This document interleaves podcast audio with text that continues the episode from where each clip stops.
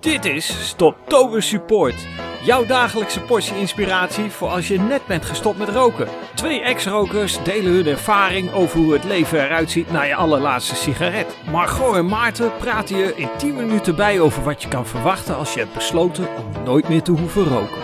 Stoptober Support wordt je aangeboden door Rookstop Buddy. Hallo Margot, hoe is het met je?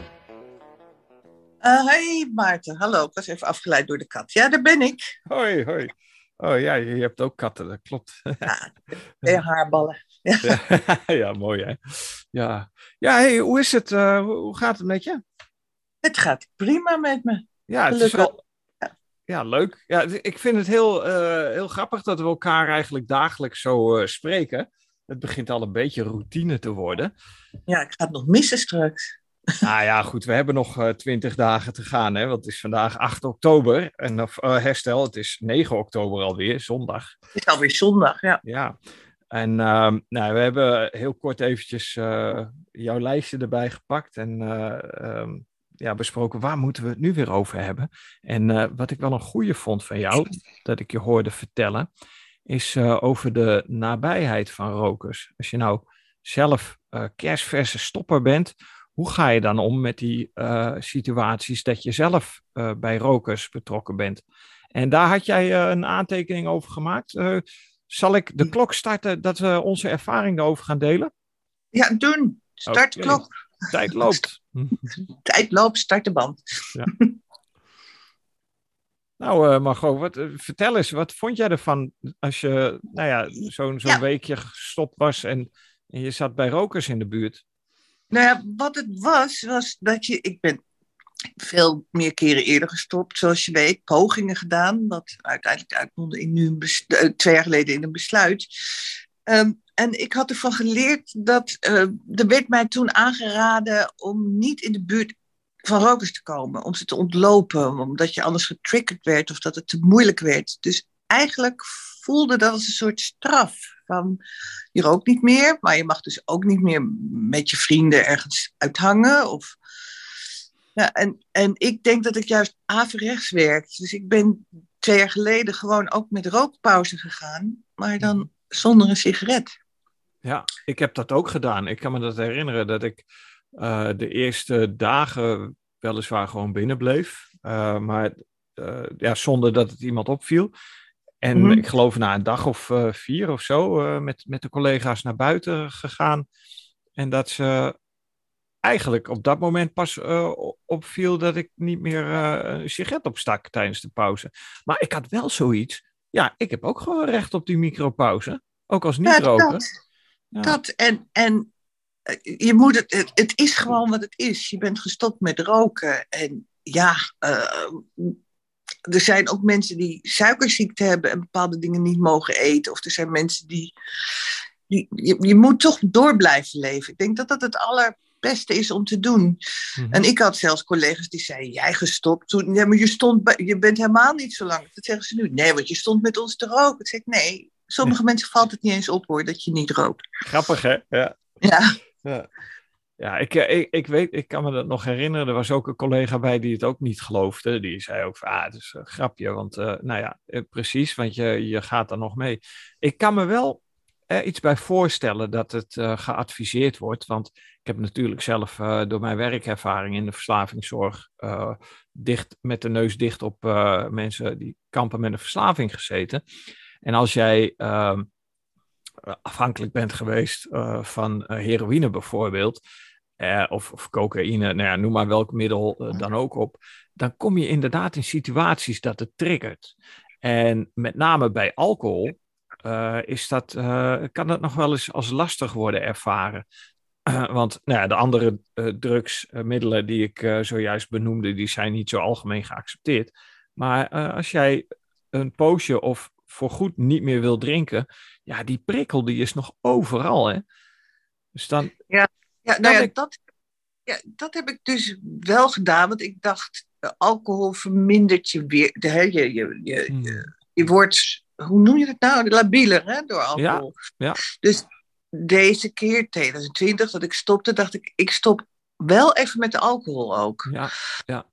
Oh, Dat maar dat is, kan niet eh, iedereen. Maar dat heeft, denk ik, mij wel wind. Wel, wel, het is wel geluk, beter gelukt daardoor. Ja, zeker. Ja, en dat is ook ehm, wat ik ehm, eh, mensen aanraad hè, als ze bij mij komen en eh, ze praten met me van, want je gaat je, je hele leefstijl veranderen. En een groot onderdeel daarvan is, is je sociale leven natuurlijk. En ja, je moet in de eerste instantie eigenlijk gewoon sterk in je schoenen staan. Daarom stel ik ook altijd de retorische vraag: wie is er verantwoordelijk wat er in jouw leven gebeurt? En eh, ja, weet je, als je dan op de proppen komt met een antwoord van ja, ik ben altijd eh, afhankelijk geweest van, eh, van mijn vrouw of ja, mijn vader heeft bepaald wat, wat ik in het leven moet doen. Ja, sorry, maar dan, dan sta je, ja, dan, dan kun je niet beginnen aan je Nee, daarom heeft het ook, het heeft ook geen enkele zin als je gaat stoppen voor een ander. Nee, Ik stop nee. voor omdat mijn man het wil. Of omdat, dat, dat werkt niet. Ja. Je moet echt zelf zeggen, ik wil niet meer. Klopt. Ja, en, maar het is ook wel. Kijk, wat mij geholpen heeft, is dat mijn zoon eh, eh, de diagnose astma kreeg. Toen moest ik, ik was erg hardleers. hè. In de gezondheidszorg werkte ik. Nota bene in de verslavingszorg. Mijn zoontje die kreeg de diagnose astma. En pa die stond gewoon, eh, terwijl hij in het ziekenhuis lag, gewoon lekker op de stoep voor, de, voor de deur van het ziekenhuis te roken. En ik trok dan die wallen met tertiaire rook. Hè, dat, eh nou, daar moeten mensen maar eens, eh, maar eens op, nou, op zoek gaan wat dat is. Eh, die trok ik dan achter mij aan naar binnen de kinderafdeling op. Nou, Ja, echt vreselijk, vreselijk. gek hè? Gek dat... Maar je hebt dat zelf helemaal niet door. Ik weet dan, ik ben ook een tijd een stiekenberoker geweest. Hè? Ja, ja. Dus dan ging ik op balkon stiekem. Of ik, had een, ik weet nog de plekken, fiets ik nog langs. Ik denk, och, dan ging ik daar zitten. En dan dacht ik, dan ging daarna eh, eh, mondwater, eh, pepermunt en parfum. Alsof je niet meer stinkt. Stink je nog erger, namelijk er pepermuntje bij en parfum. ja. Maar ehm, dat heb, heb je niet door als je rookt, dat je zo kan stinken. Ja, ik zie het bij de oudste hier in huis. Die, die rookt ook. Hij beperkt zich nu nog, want het is, het is een beginnend roker. Hij is 22 jaar, dus hij is relatief laat. Eh, maar hij zit eh, nou, een jaartje of eh, twee, tweeënhalf eh zit hij aan de sigaretjes. En hij beperkt zich nog tot ehm, de feesten en partijen. Maar ik zie hem wel, ik zie er wel een opbouw in. Dus het is Ja. niet zo, Ja. weet je, je hebt echt je bent echt een van de weinigen, ik denk misschien minder dan een procent, die op een feestje zo nu en dan een sigaretje op kan steken en, en dan gewoon maanden niet meer. Want, Nee, ik ken er, ik ken er bijna niemand die dat kan. En Ik vraag niemand. me dat. Ik heb, ik heb, ik geloof ik, één iemand. En dan, maar dan vraag ik me, vind je dan, waarom doe je dat? Vind je het dan lekker? Nee, dat is het niet eens. Want Nee. na één wil ze ook niet meer. Nee. Maar eh, dat is dan toch het sociale aspect. Ik heb geen idee waarom. Want ik vraag dan, wat is de reden waarom je maanden niet rookt en dan die ene?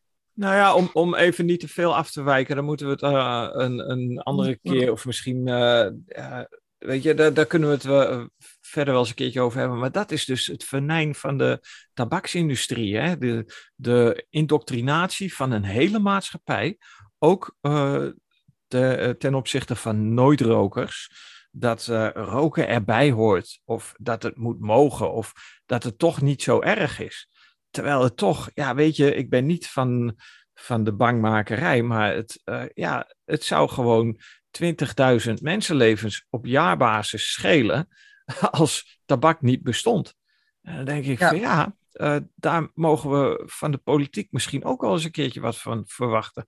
Maar ja, Ja, goed, weet je, ik, verdient hè, daaraan. Ik bedoel, Juist. de overheid verdient aan de tabak. Dus eh, ja, die zijn niet gek. Want er komt heel veel accijnsgeld natuurlijk binnen in de pot. En daar zijn eh, televisieprogramma's aan gewijd waar ze het sommetje hebben gemaakt. En de balans slaat nog steeds door. Hè, en, en dat is hoe de wereld nou eenmaal werkt. Eh, naar eh, de opbrengsten, die zijn nog, nog altijd beter dan, de, dan, de, nou ja, dan het nadelige financiële effect. En dat is gewoon hoe onze maatschappij in elkaar zit. Ja, goed, we, we wijken een beetje af van ons onderwerp. Want ja, wat doe je nou Ja. hè, het beste als je vers eh, gestopte roker bent? Ik, ik zit ook nog wel eens in de buurt van rokers en ik heb echt het wordt wat minder, maar een hele tijd gehad dat het, dat het me echt tegenstond. En ik kan er nu wat beter mee omgaan, maar ik vind het gewoon echt, ja, ik als, uh, nou ja, vervent roker, ik vind het gewoon stinken. En zelfs toen ik nog rookte, vond ik het stinken. Ja, ik, ik, zie mezelf nog staan met een sigaret in mijn hand. En dat ik die van me afhield omdat ik die rook zo vond stinken. Als ik geen trekje nam. Ja. Dus daar werd ik benauwd van. Ik snap, mensen die kunnen soms met een peuk in hun mond blijven. Dat kon ik helemaal niet, want er een stiktik in. Ja, en het is ook als je, ja, als je, als je een week uh, niet gerookt hebt, dan ga je ook merken wat het echt is. Hè? Het is ook zo'n zo'n weeige uh, lucht, die je gewoon eigenlijk ja, ik, ik vind het een heel uh, ziekmakende geur ook.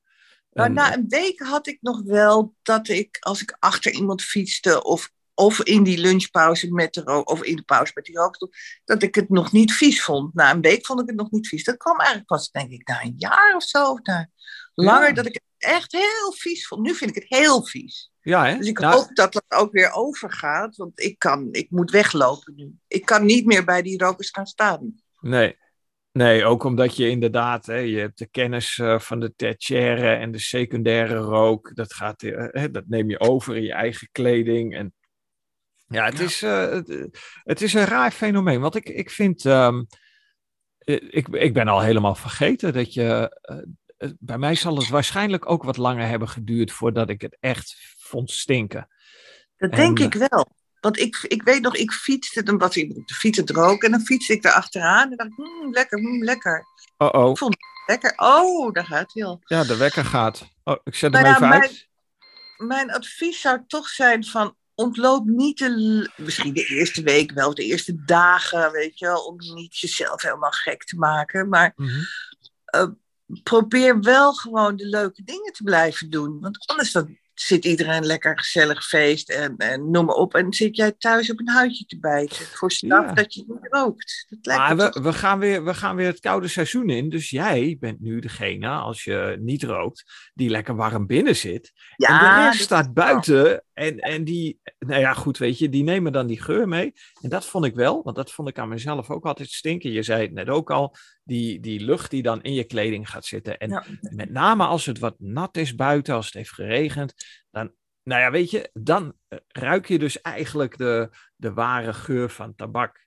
En dat ja. sta je dus in te, uh, te inhaleren. En uh, nou ja, goed, weet je, het is, ik, ik zou ook uh, zeggen van, het is ja, weet je, je moet je sociale leven uh, misschien een beetje aanpassen, maar ga niet helemaal, uh, uh, ga je niet helemaal afsluiten. En ja, weet je, het kan een trigger zijn. Dus ik denk als je daar gevoelig voor bent, dat is, dat is een beetje uitproberen natuurlijk. Als jij merkt ja. dat je, wanneer je bij rokers in de buurt bent en je krijgt daar trek van, dan moet je wegwezen. Want... Ja, en niet, en niet in de drang gaan in het begin, want uh, dan, dan ben je veel sneller omkoopbaar voor jezelf. Hè? Nou, eentje of een trekje. Ja, ja. Dat, is, dat is, zou ik niet doen. Nee, maar gewoon, want uh, inmiddels moet het wel duidelijk zijn dat eentje bestaat gewoon niet. Nee, Eén sigaretje, één trekje. Eén trekje ook niet. Je hoeft het niet uit te proberen of je het nu echt vies vindt, of dat je het tegen kan, of dat je er vanaf bent. Jongens, trappen niet in, want zo is die sigaret in elkaar gezet door uh, de tabaksboys. Ik denk um, ja. dat we het hierbij moeten laten. Ja, want we zijn, ik hoorde de wekker gaan. Ja, ja dus uh, we zitten al uh, over de tien minuten heen. Um, morgen weer een dag. Dan uh, ja. laten we ons verrassen wat, wat er van jouw lijstje afkomt. Of misschien hebben we een mooie actualiteit te pakken. Um, dan, dan spreken we elkaar weer. Oké, okay, Maarten. Nou, prettige zondag nog. Joe. Oké, tot morgen.